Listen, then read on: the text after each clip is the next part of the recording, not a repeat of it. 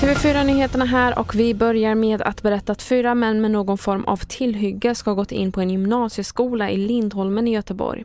Två personer i tonårsåldern har frihetsberövats och polisen har upprättat en anmälan om försök till grov misshandel och grovt brott mot knivlagen.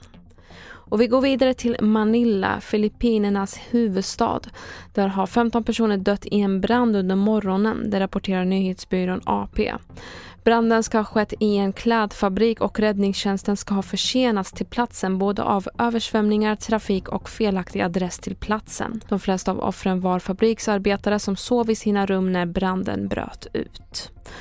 Och vi avslutar med att berätta att antalet besökare begränsas kraftigt vid Sveriges mest populära vandringsleder i de jämtländska fjällen. Turisterna har slitit hårt på miljön, det meddelar Svenska turistföreningen STF som nu kommit överens med samebyar i området. Det här är någonting som vi gör i samförstånd men framför allt gör vi det därför att vi genuint har lyssnat och tittat på hur vår verksamhet påverkar andra. Renskötseln men också naturen i området. Där hörde vi Maria Roshjelm, VD på STF. Fler nyheter hittar du på tv4.se och jag heter Merjem Jamil.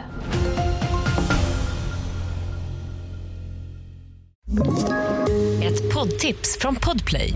I fallen jag aldrig glömmer djupdyker Hasse Aro i arbetet bakom några av Sveriges mest uppseendeväckande brottsutredningar går vi in med hemlig telefonavlyssning och, och då upplever vi att vi får en total förändring av hans beteende. Vad är det som händer nu? Vem är det som läcker?